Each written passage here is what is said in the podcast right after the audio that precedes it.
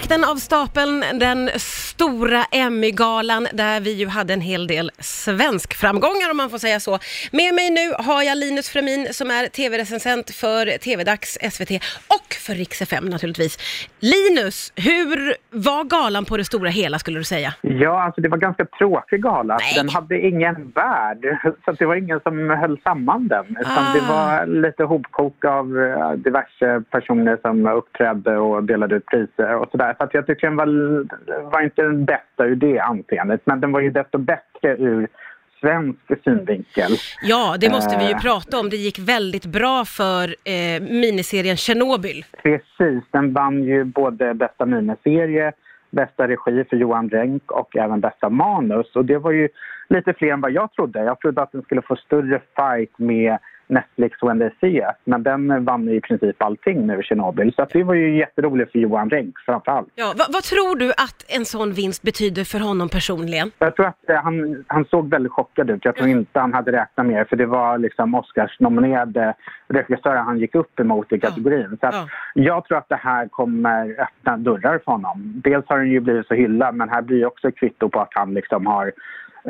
ja, men nått toppskiktet i Hollywood. Så Mm. jag eh, ser fram emot vad han ska göra härnäst. Ja, men verkligen. Fanns det några stora överraskningar tycker du? Ja, alltså en glad överraskning var ju att serien Fleabag vann flera priser, bland annat för bästa komediserie och bästa kvinnliga huvudroll för skaparen Phoebe Waller-Bridge. Och det var ju lite av en, en överraskning då alla trodde att sista säsongen av We skulle eh, vinna, men den blev helt utan priser. Istället var det då Fleabag som är en underbar, fantastisk serie som eh, har fått väldigt mycket uppmärksamhet nu i år för Ja. sin andra och tyvärr sista säsong. Så att det var, hon var också väldigt chockad över att vinna. Så att det, det var roligt att se tycker jag. Men det gillar man ju när det är chockade skådisar, eller personer om man säger så, för då blir det ju så himla genuint. Hur tycker du att tacktalen var sådär generellt? Jo, men det, det var vissa som var väldigt bra. Till exempel Alex Borstein vann för bästa eh, kvinnliga biroll i en komediserie. Och hon lyckades både dricka lite sprit och även väldigt berörande lyfta sin eh, mormor som lyckades fly under Förintelsen och uppmanade att fler kvinnor skulle step out of line som hennes mormor hade gjort när hon stod i kön då i Förintelselägret och överlevde. Så att det, var, det var väldigt starkt och väldigt, kändes väldigt genuint. Så att det, det, det minns jag. Ja, det kändes ju otroligt slagkraftigt också. Det faktum att Game of Thrones vann bästa dramaserie, vad har du för kommentar till det Linus? Ja, alltså jag kände lite suck faktiskt. Jag, jag tyckte ändå att det var lite så här härliga överraskningar under galan. Så kom med sista priset och så var det som att liksom hela stämningen dog när, när hon sa Game of Thrones Var vann. det så? Ja, men lite. Det kändes som att bara, ha, ja, okej. Men såklart, det är ju liksom världens största serie. Men sista säsongen var ju inte så bra.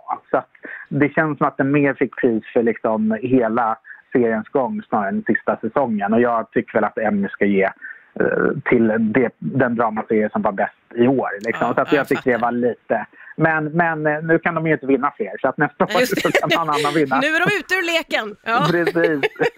Hörru du, om du ska dela ut eh, på, liksom, eh, pluspoäng till Emmy-galan som sådan, hur många tiaror får den om vi har en femgradig skala?